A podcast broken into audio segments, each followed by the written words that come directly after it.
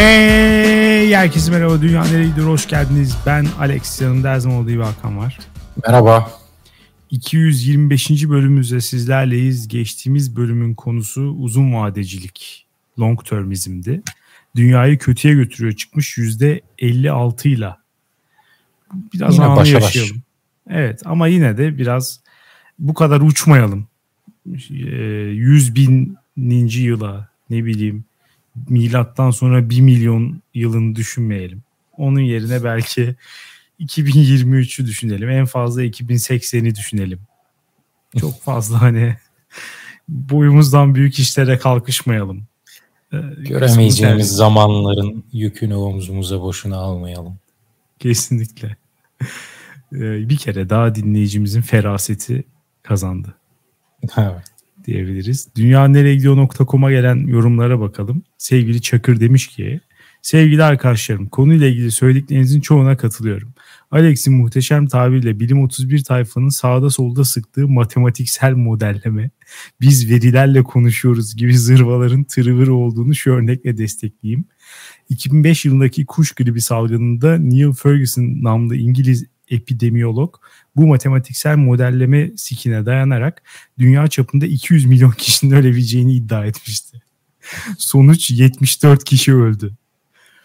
Ee, evet bu böyle bir problem var. Covid'de de hatırlarsan en başlarda bu tarz garip modellemeler mevcuttu. Etrafta dolaşıyordu. Çok insan ya, öleceğini söyleyen.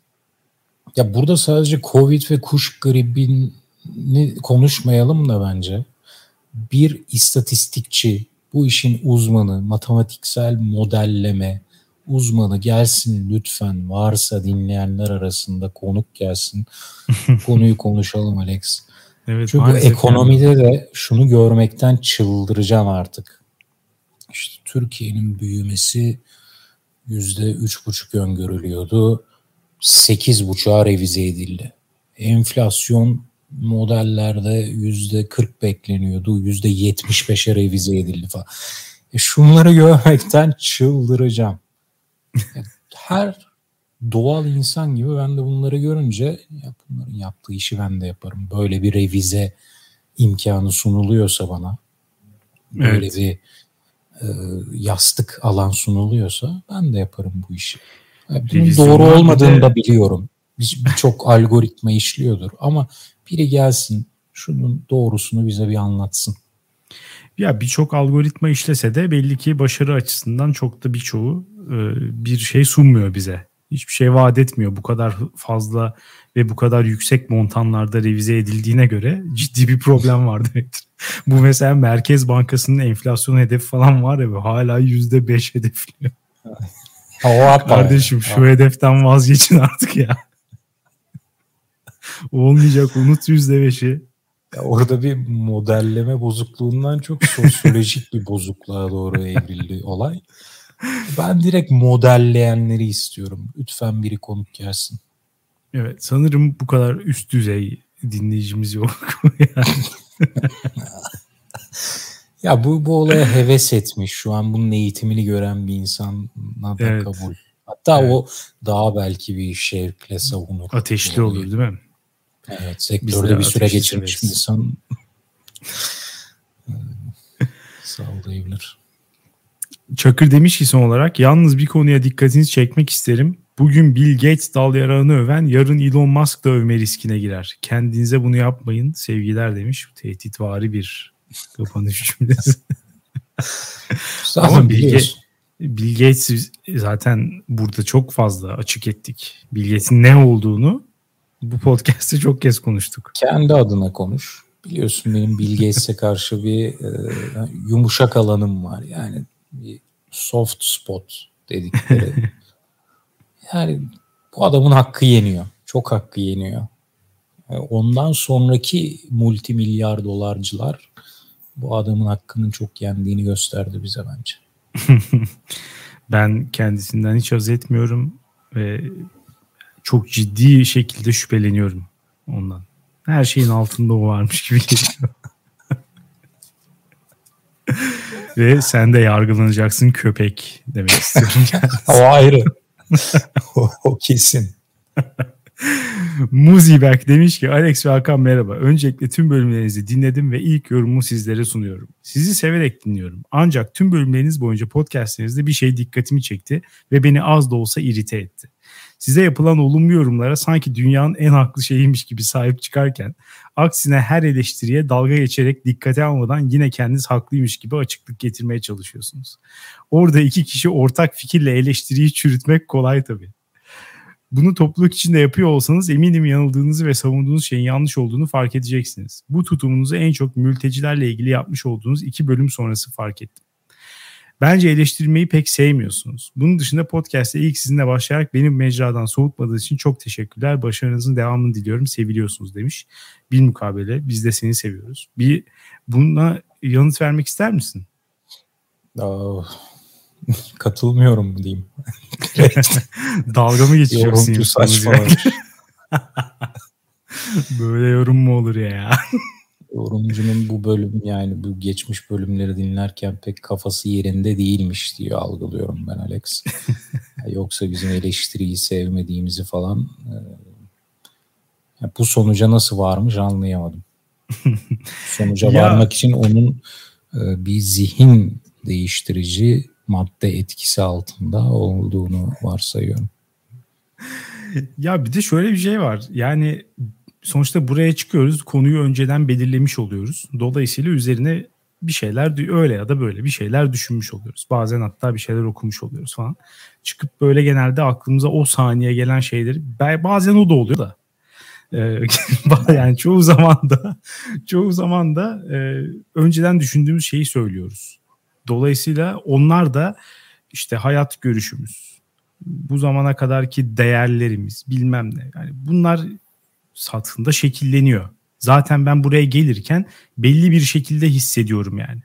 Ha, bu demek değil ki gelen her aksi yorumu da işte hiçbir şekilde dikkate almayacağım falan demek değil ama e yani ben öyle düşünüyorsam gelen eleştiriye de kendi açımdan yanıt veririm tabii canım. Ne var bunda yani? İlle şey mi olacak? E, ben bir şey söylüyorum. Hayır bence öyle değil diyen herkese de ya doğru söylüyorsun ben yanlış düşünmüşüm. Onu da yapamam yani. Bazıları saçma geliyor bana. Ne yapayım? Mesela yorumcu onun tespitini nasıl yapmış onu merak ediyorum. Mesela biz gelmişiz bir şey savunmuşuz sonra bir karşı argümanla gelinmiş. Biz de o gelen argümana yine bir şekilde cevap vermişiz. Yani yorumcu evet. o gelen karşı argümanın bizi bitirdiğini, bizim argümanı yendiğini nasıl tespit ediyor daha bizim? Aa bak burada işte eleştiriyi eleştiriye tahammülleri olmadıkları için şu an böyle diyorlar. Kabullenemediler. Evet. Hani orada da onun görüşleri etkili olmuyor mu bunu? Yani evet. E, zaten genelde böyle bir ya sadece Muzibek arkadaşımız için söylemiyorum bunu ama genel bir şöyle kanı var.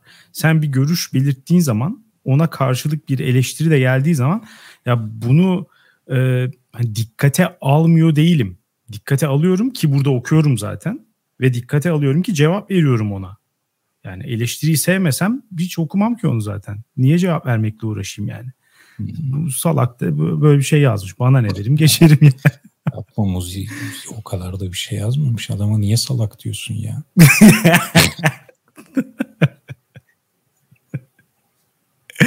Neyse evet ya ama işte her dikkate aldığımız eleştiriden de fikrimizi değiştirmek zorunda değiliz canım. Evet okuyorum. E bana yine de mantıklı gelmiyor. Ne yapayım? Ne Değiştirmiyorum yani? ulan. evet. Böyle, böyle bir şey dendi de mi bunu diyesim geliyor. Değiştirmiyorum ulan. Doğrusu senin dediğin olsa da değiştirmiyorum ulan. ben böyle demiyorum. Tarihe not düşürsün. Neyse Cheers demiş ki çocuk yapıp üremelere doymayan herkesin uzun vadeciliği desteklemesi gerekir. Çocuk yaparak zaten bencilliğin Allah'ını yapıp üstüne bir de bu dünyanın içine etmeye devam edip kendi ürettiği neslinin gelecek kaygısını gütmeyen herkesin bir an önce kısırlaştırılması gerektiğini düşünüyorum.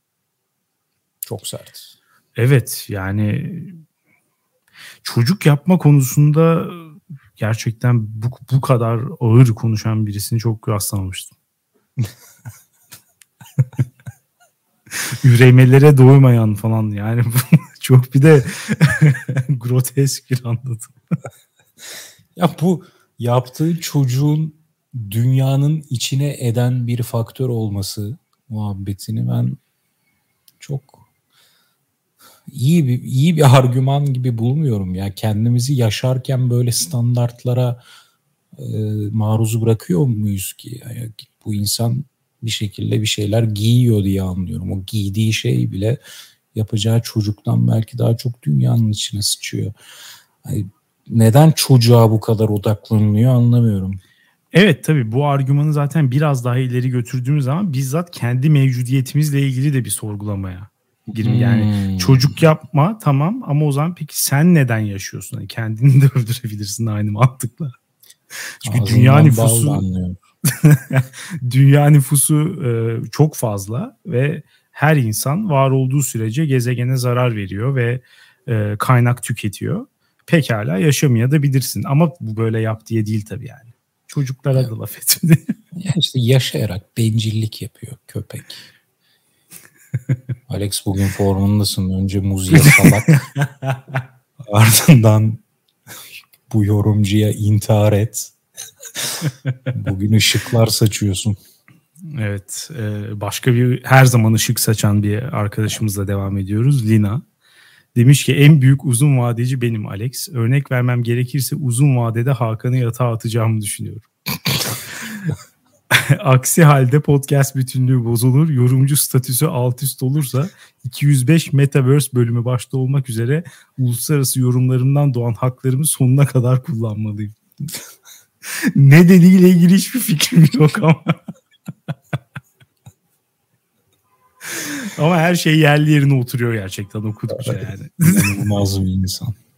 İnanılmaz o zaman insan. o zaman geldiğinde şartlar oluştuğunda şehvet zinaya dar geldiğinde Hakan'ın videosu uyanacak. 81 Düzce'den hemen sonra 82 Lina'nın yatağı, 83 Lina'nın banyosu demenin önünde hiçbir sevgili duramayacak. Eyvah. Eyvah. Evet daha fazla riske girmeden bu yorumu atlayalım. Tanaka demiş ki long termizm bir yandan saçma görünüyor ama Bentham cerrahcılığın mantıksal sonuçlarına ulaşmışlar gibi görünüyor. Daha önce hiç duymamıştım. Long termizm de dahil olmak üzere toplam çıkar hesabına dayanan yararcı ahlak anlayışı dünyayı kötüye götürüyor. Çünkü sürekli bireyi feda etmeye varıyor sonu bu tarz aritmetiklerin. Not özletiyorsunuz demiş. Ee, bazen o da daha iyi olabiliyor. Yani gördüğü Lina'nın şehvetini arttırmış özletimiz. aman aman Alex.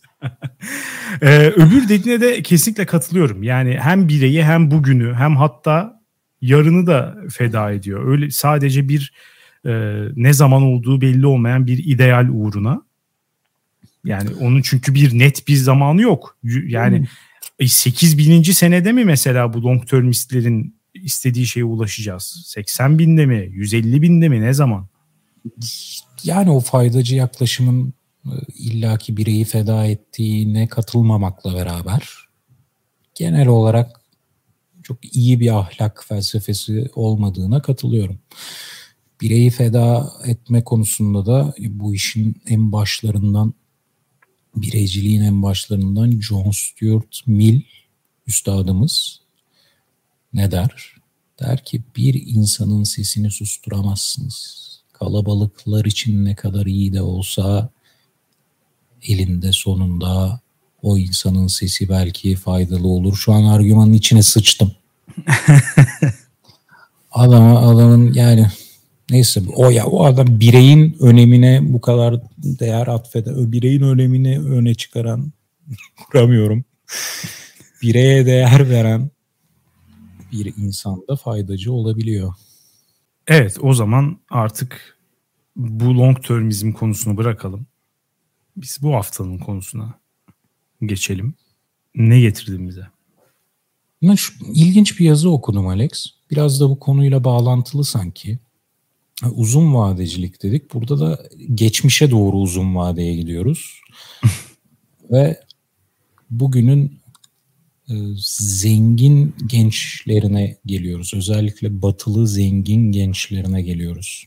Hmm yani büyük büyük dedelerinden çok büyük miraslar kendilerine kalan ama onlar e, o dedelerinin o mirası çok kötü şeyler yaparak elde ettiklerini bildikleri için suçluluk duyarak bu mirası reddeden o gençler gelmek istiyorum Alex. Böyle bir yazı okudum. Bu gençlerin gitgide sayısı artıyormuş diyorlar.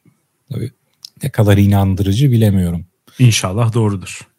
Evet. Ee, ama şimdi pek sanmıyorum dünyadaki e, totale bakınca şöyle bir yüzde bir bile etmiyorlardır diye tahmin ediyorum. Biraz ama... belki cesaretlendirmek hani olumlama tekniğiyledir belki. Hani sayı artıyor artıyor falan diyerek başkalarını da gaza getiriyor. Artık bilemiyorum. Ama yani mesela sana basit bir soruyla başlayayım. Sen Hı. böyle bir hisse kapılır mıydın? Zengin olsam mı? Evet büyük büyük deden kölelik üzerinden bir servet edinmiş. Ve senin kucağına 20 milyon doları bırakmış. Ve annem baban herkes genç yaşta vefat etmiş. 20 milyon dolar kucağında. Evet, Sen hiçbir suçluluk hisseder miydin? ya e, hissederdim demek istiyorum ama tabii ki bilemezsin ya. Ama burada belki önemli olan e, böyle bir suçluluk hisseder miydin? Ona aslında biraz da özgüvenle evet diyebiliyorum ama bu suçluluk duygusuyla ne yapardın? Yani ikinci kısma geçtiğimiz zaman asıl test orada başlıyor bence. Hmm. Yani suçlu hissetmek çok kolay bir şey. Yani vicdan azabı hissetmek kolay bir şey. Benim okuduğum yazıda iki kamp vardı. Ee, bir kamptakiler parayı bırakıyorlar. Ee, sivil toplum kuruluşlarına, hayır işlerine bağışlıyorlar. Ve gidip e, böyle ufak komüniteler olur ya. Evet. Genelde uzaktan bakınca Aa, bunlar hippie denir. O tarz Hı. komünitelerde işte domatesini ekiyor, hıyarını yiyor Öyle sade ve basit yaşamlar sürüyorlar. Bir kamp bu. İkinci kampta sanırım sen buna daha yatkınsın. Terapiye gidip terapistin onu bu suçluluk duygusundan arındırmasını talep eden bir kamp. o sorunu da parayla çözüyor. Böyle bir çocuk vardı ona bayıldım. Diyor ki kucağıma işte atıyorum 20 milyon dolar düştü. Ay bunun yüzünden hiçbir işte dikiş tutturamadım. Etrafımdakiler hep benden çok çalışmak zorundaydı ve bu beni suçlu hissettiriyordu. Sonunda terapiye gittim ve büyük bana büyük faydası oldu. Paramdan dolayı suçluluk duymamam gerektiğini, bu parayla kendi kişisel mutluluğumu e, yakalamaya çalışabileceğimi falan öğretti diyor bana. ne diyorsun? Ya bu kamp bana çok biraz fazla ilginç geliyor abi. ya ben e, ikisini de yapamazdım açık konuşmak gerekirse. E, şöyle düşünüyorum. Ya ilk bahsettiğin insanları hakikaten alnından öpüyorum. Başka onlara bir şey demeye gerek yok. Bu hareketi herkes yapamaz.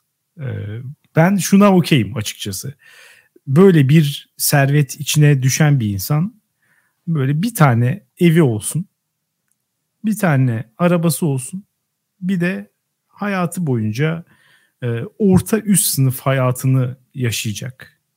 Bir parayı kenara ayırsın, geri kalanı bağışlıyorsa eğer ben onu sırtımda taşırım. Büyük hmm. bir hakikaten erdemliktir yani. Bana bu kadarı yeter. Kendim olsa da bu kadarını yapmak beni tatmin eder. Ya yani ille de şeye e, gerek duymam. E, bu kadar yüksek bir standarda da tutmuyorum yani kimseyi. Hani bütün parasını bağışlasın. Öyle yapmış ya gitmiş işte şeyde komünde yaşıyor falan. Köye evet. köye falan. Ya bunlar hani şu anda mesela onu niye yapmıyoruz o zaman? Hani ben de bir orta üst sınıf hayatı yaşadığımı söyleyebilirim şu an. Evet. E, dolayısıyla şu anda aslında aynısını yapabilirim. Hani var olan paramı gidip bağışlayarak falan aynı hayatı yaşa ama yapmıyorum. Bana açıkçası e, o, o kadarlık ben bencilim. Yani daha... şu, şu anki hayatımı koruyayım da bu fiktif evet, hayatta bile şu anki real hayatını sağlama almaya çalışıyorsun değil mi? Evet evet ya bu da bizim zaten zengin olmadığımızı gösteriyor. Hiçbir zamanda olamayacağını. Ya Aynen. sana uç diyorum 20 milyon doların var. Bak ben de o kadar uçabiliyorum. Yanlış anlama. 200 milyon dolarım var da diye. Sana uç diyorum. Ha, bana bunu ver. Götümü sağlama alayım. ya evet abi. ya 20 milyon mesela 15 milyonu da bağışlamış olursun böylece. 5 milyon da Allah bereket versin canım ne diyelim yani. Bu arada yayının başında Çakır'la beraber gömmeye çalıştınız ama küçüklüğümden şöyle bir bilgi hatırlıyorum. Bill Gates çocuğuna veya çocuklarına belli bir miktar para bırakacak, geri kalan her şeyi bağışlayacak diye öldüğünde. İşte belli bir miktar ne ama? Tabii takipçisi olmak lazım. Ya 200 milyon dolar olsun abi. 45 evet. milyar dolar bırakacak ve geri kalanı bağışlayacak. Hayır işte 200 milyon dolar. Nedense böyle bu rakam da var aklımda. 200 milyon dolar. Fazla mı? Bill Gates'en Yok ya Bill Gates evet evet. Bill Gates için gayet yeterli. Çıldırmam ya. O da yani çocuğu olsam da yine mutlu olurum yani. 200 milyon dolarım var ya seni bu zengin rüyalara çekemiyorum Alex. ya bu arada hani bilmiyorum ya şey de güzel.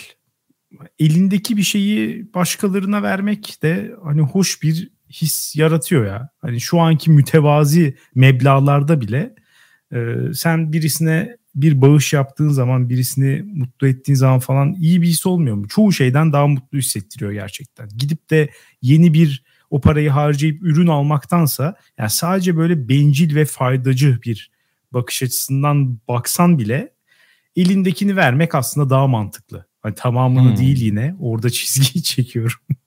Bilmiyorum ama o spirale de girebilirsin gibi hissediyorum. O, ya böyle neden bir... daha fazlasını yapıyorum? Neden daha fazla? Ya Bu iyilik yaptıkça suçluluk duygun artar diye hissediyorum şu an. Evet.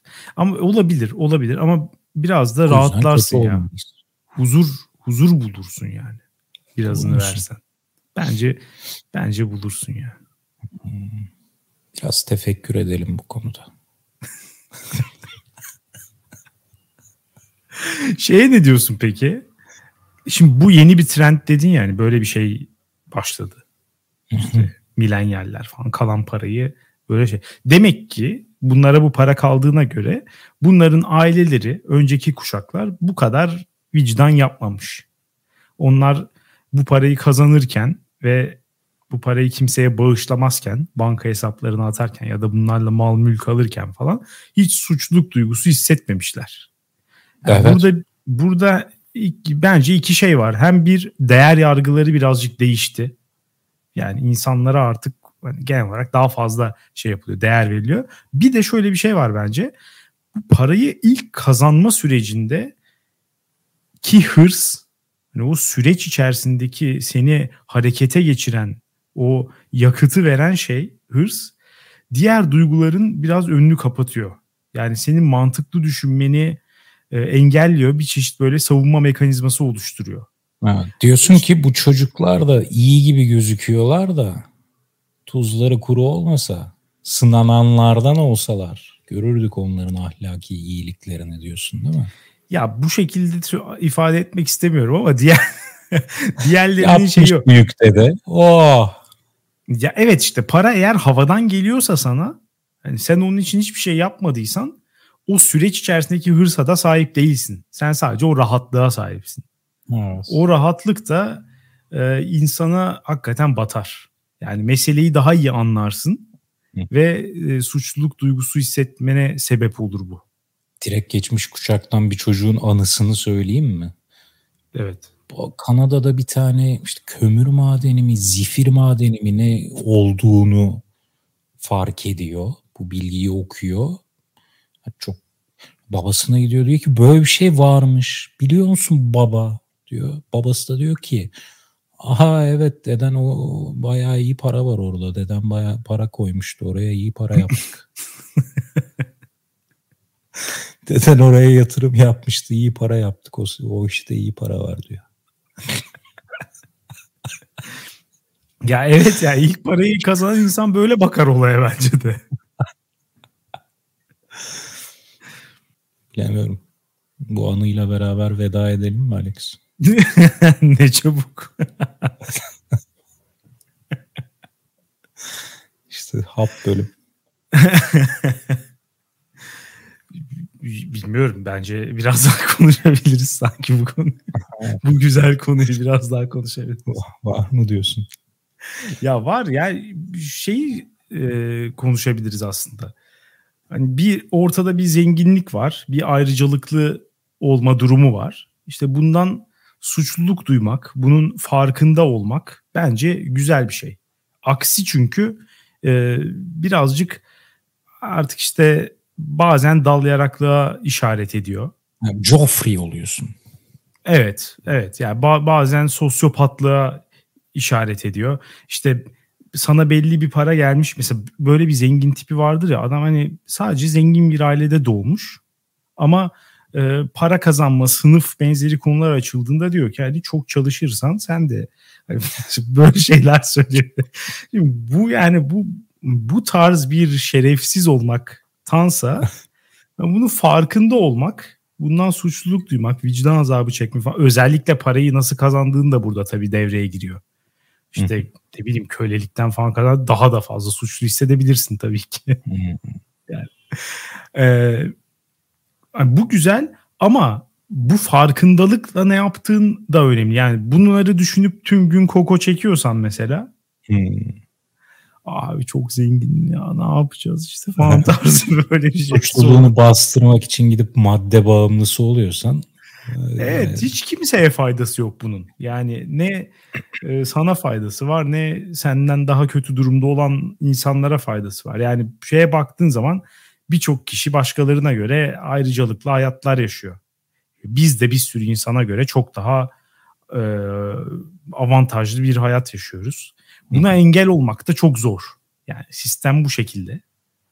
Ee, zaten sen doğup bir yere engel olmak çok zor derken bu yani kişi bireysel olarak engel olmak zor buna. çok acayip bir cümleydi çünkü. yani öyle şunu demek istiyorum. Amcımbızlamalık. evet, evet. Yani biz de bazılarından daha üstün hayatlar yaşıyoruz. Buna engel olmak çok zor zaten. ne yapacaksın? Kumaş parlıyor.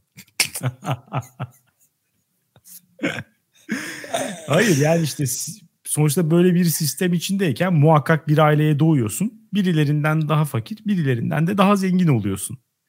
Yani, ve e, işte dolayısıyla bazılarından daha iyi, bazılarından daha kötü hayatlar yaşıyorsun. Zaten kendini bilene kadar bu avantajların birçoğunu elde etmiş oluyorsun. Sefasını sürüyor oluyorsun. Mesela ne bileyim iyi bir eğitim alıyorsun. Hatta işte çoğu zaman şeyi bile e, araştırmalarda falan var ya iyi bir aile ortamında büyümek, işte yoksulluk içerisinde büyümek, iyi beslenebilmek falan kişinin zekasından tut bir sürü e, şeyini geliştiriyor. E bunların hepsini ister istemez edinmiş oluyorsun. Onun üstüne bir de bir sürü yani hani her şeyi reddetsen bile bunlar var. Onu demek istiyorum. Ee, bir de onun üstüne işte ne bileyim abuk subuk şeylere harcadığın parayla her gün bir sürü insana yardım edebilirsin. Ne bileyim işte üret, tükettiğin neredeyse bütün ürünler başka insanların sömürülmesine dayalı. Yani bunları bilerek biz yaşıyoruz. Ne yapabiliriz? Yani, ne yapacağız ama? Bu arada aklıma faydacı geldi yine. Yine faydacı bir adam der ki e, Peter Singer herkes yüzde yirmisini vermeli gelirin. Yüzde yirmisini yardıma vermeli. Var mısın buna Alex? Şu an işte yokum. Mısın? Zaten bir şey yapamamak zaten bana o koyuyor. Yani bu konuyu e, düşünürken oradan ben de kendime yönelik bir e, rahatsızlık yaşadım. Yani hmm. öz eleştiri şeyi. Ben de o konforumu feda edemiyorum yani. O derece bencilim ben de. Evet, dolayısıyla bu Ferrari'sini satan bilgeler, bu çocuklar Bunlara hakikaten bir ilah gözüyle bakmalı mıyız? Elinin tersiyle itip milyon dolarla farklı komün, komünde yaşayanlar. Ya onlar gerçekten yani olacak iş değil. Çok bunlarla mukaddes insanlar yani. şey var diye mesela Louis C.K.'in artık stand-up'ta mı yoksa dizide miydi hatırlamıyorum da e, kendi arabasını işte modeli hatırlamıyorum ama diyelim ki Audi A8'i var. Audi A8'i satıp Volkswagen Polo alarak aynı hayatımı aynı şekilde tamamen aynı şekilde idame ettirebilirim. Yine aynı yere araba konforuyla giderim. Aynı güvenlikte, aynı şeyde. Sadece modeli değişiyor. Yani arabayı tamamen satmak bile değil. Sadece modeli düşürüyorum ve aradaki farkla yüzlerce aileyi bir yıl boyunca mesela açlıktan kurtarabiliyorum.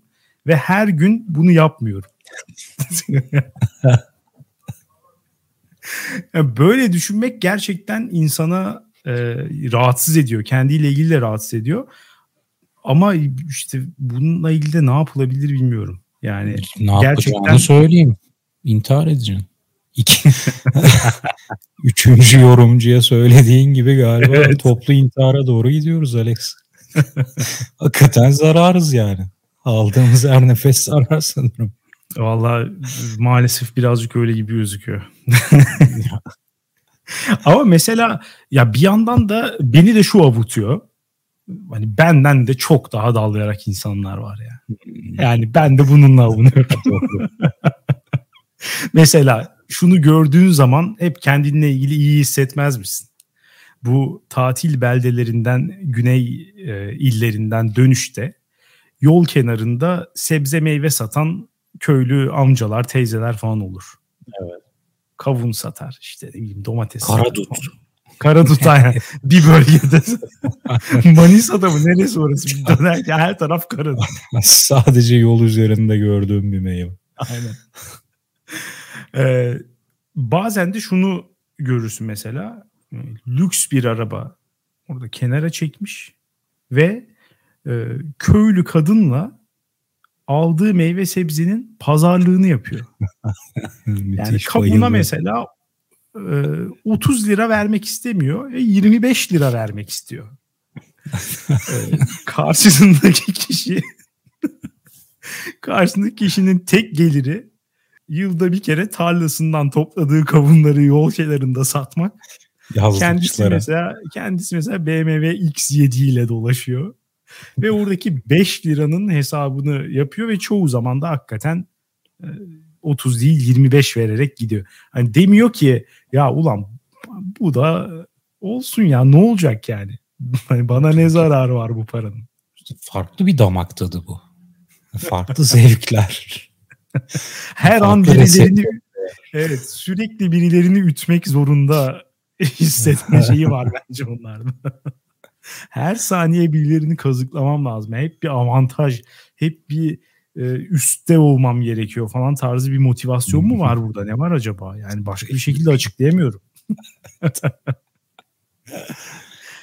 ya bunları görünce de ben diyorum ki evet ben belki çok fazla be. aynen çok fazla bağış yapmıyorum ama bu kadar da şerefsiz değilim.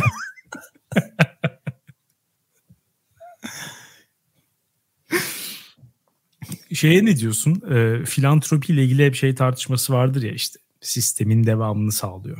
İşte gerçek sorunların e, sistemin çelişkilerinin üzerine örtüyor falan. Daha hmm. böyle Marksist bir bakış açısından. E, ben diyorum ki abi artık şu noktaya geldim. Ya veren versin ya. Yani zenginlerin evet. zenginlerin cebinde ne kadar az para varsa ben o kadar mutluyum. Yani sistem evet yani sistem sistemi bu devam ettiriyorsa da ne yapalım ya aynı şey birçok insanın sistemi... yani bir ömrü var birçok insanın.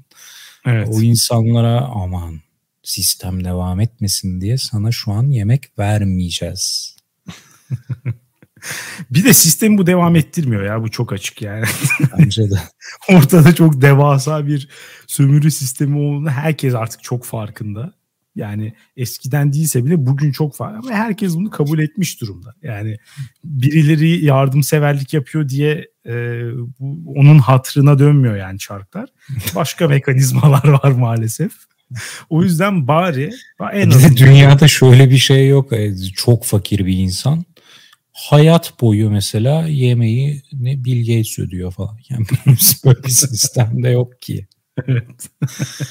Herkese bir yerde değiyor, geçiyor o yardımlarda, o filantropide. Evet. Ee, bu arada zenginlere de buradan bir tavsiyede bulunmak istiyorum. Bu senin bahsettiğin e, yazıda da veya işte zenginlerin genelde işte bazı şeylerin ayırdına varıp bundan suçluluk e, hissetmesi, vicdan azabı duyması falan. Bunlar genelde hep şöyle başlıyor.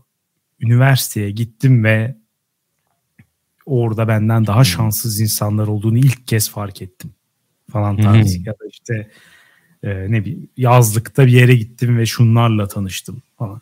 Buradan benim tavsiyem zenginlere çocuklarınızı kendi sınıfınız haricinde kimseyle iletişime sokmayın. sokmayın. Yani. Eğer para ailede kalsın istiyorsanız. Evet. Çocuğunuz parayı çarçur etmesin istiyorsanız. Sadece kendi sınıfından insanlarla bir araya gelsin. Her şeyin çok normal olduğunu düşünmesi lazım. Aksi takdirde bu sürdürülebilir bir şey değil ya. Ya da şöyle o zaman iki ihtimal kalıyor. Ya çocuğunuz iğrenç bir insan olacak ya da bütün parasını verecek. Seçim sizin. Evet. Ama tabii bir de şey olayı da var. Eskiden bu sosyal medya olmadığı zaman herkes daha kendi falan şimdi mesela şöyle diyorlar ya işte sosyal medya e, echo chamber'lar yaratıyor, yankı odaları yaratıyor ve herkesi kendi şeylerin ya belki tamam birazcık öyle olabilir işte kimi takip edeceğimizi biz seçiyoruz ya da algoritmalar falan bizim önümüze işte tweetler çıkartıyor, metinler getiriyor falan. Ama sonuçta ne olursa olsun abi ben Twitter'a girdiğimde ayak fetişistini de görüyorum. İşte dominatrixleri köpek gibi tasma kendine bağlayan adamı da görüyorum. İşte ne bileyim aşırı dindar Hizbullahçı bir herifi de görüyorum. Aynı gün içinde yani. Hmm. Onu da görüyorum. Bunları görmeyi engellemiyor. Yani bir şekilde maruz kalıyorsun. Hmm, Dolayısıyla ama o tarz bir maruz kalışla senin bahsettiğin farklı sınıflardan insanlarla takılmasın aynı şey değil ya. Değil tabii evet. Ya onun etkisi yatsınamaz şekilde daha fazla. Yani Twitter'da bir iki kere bir tweet görmekle e, ne bileyim yazlığa gittim her gün basket oynadım falan. Bu da hmm. aynı değil. Tabii ki bir tanesinde çok daha fazla geçiyor sana oradaki duygular. Ama yine de e, bence şeyin etkisi var. E, milenyallerde bu trendin ortaya çıkmasında sosyal medyanın büyük bir payı var bence. Yani sürekli zengin utandırılan bir ortam olması sosyal medyanın. Yani bir hmm. yandan şey de var tabii. İşte Instagram'da falan çok böyle ilahlaştırılıyor ve e, hani çok nasıl diyeyim yüceltilen bir şey zenginlik bir yandan lüks yaşamlar falan. Ama bir yandan da herkesin hayvan gibi gömdüğü sosyal medyada. İşte zenginleri öldürmemiz lazım falan tarzı şey. Şimdi mesela bir zengin olarak sürekli bu tweetleri okusam gerçekten biraz vicdan azabım da artar gibi hissediyorum. Bilemiyorum. Ama radikalleşebilirsin de değil evet. mi? Hayır Be- ben sizi öldüreceğim. Benim teorim de bunların sayısı belki e, oransal olarak hiç artmıyor ama e, şu devirde bu millet parasını böyle verdi mi bunun haberine daha kolay ulaşabiliyoruz. Sosyal medyanın etkisi olduysa böyle oldu. Eskiden Doğru. de verenleri veriyor, veren veriyordur da bize kadar gelmiyordur ancak. Fısıltı gazetesi. Evet. Sadece ailesi ve sosyal çevresi vay keriz bu da hani bir videodur falan. evet. E, bunun etkisi de şey yapılamaz. Yatsınamaz. E, orada da öyle bir şey var hakikaten. Ama bilmiyorum. Bence biz yine de buradan şuraya gelecektim. E, biz yine de sürekli zenginleri utandırmaya devam etmeliyiz. Güzel bir meşgale midir? Güzel bir faaliyet mi? Ama Güzel bir biliyorsun faaliyet her fakirin bir fakiri daha var Alex. Bir de gelir seni utandırır. Utandırırsın da doğru. Her firavunun bir Musa'sı vardır. ben utanmaya hazırım. Yani birileri de beni utandırsın gerçekten. Yorumlara yazsınlar yani şu an. Utandırsınlar beni. Girip ben yazıyormuşum. Alex de böyledir. Sanmıyorum yazabileceğini.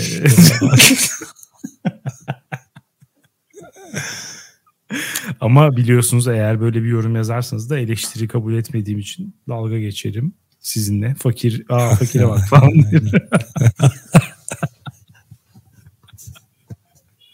Evet daha fazla metalaşmadan bu bölümü ya. kapatma vaktimiz geldi gibi evet. gözüküyor.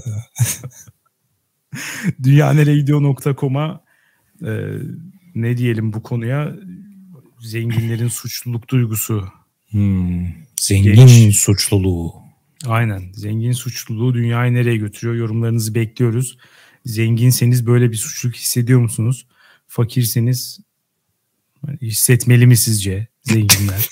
Fakirseniz şu an nasıl geçiniyorsunuz ya? evet doğru. İnsanlar.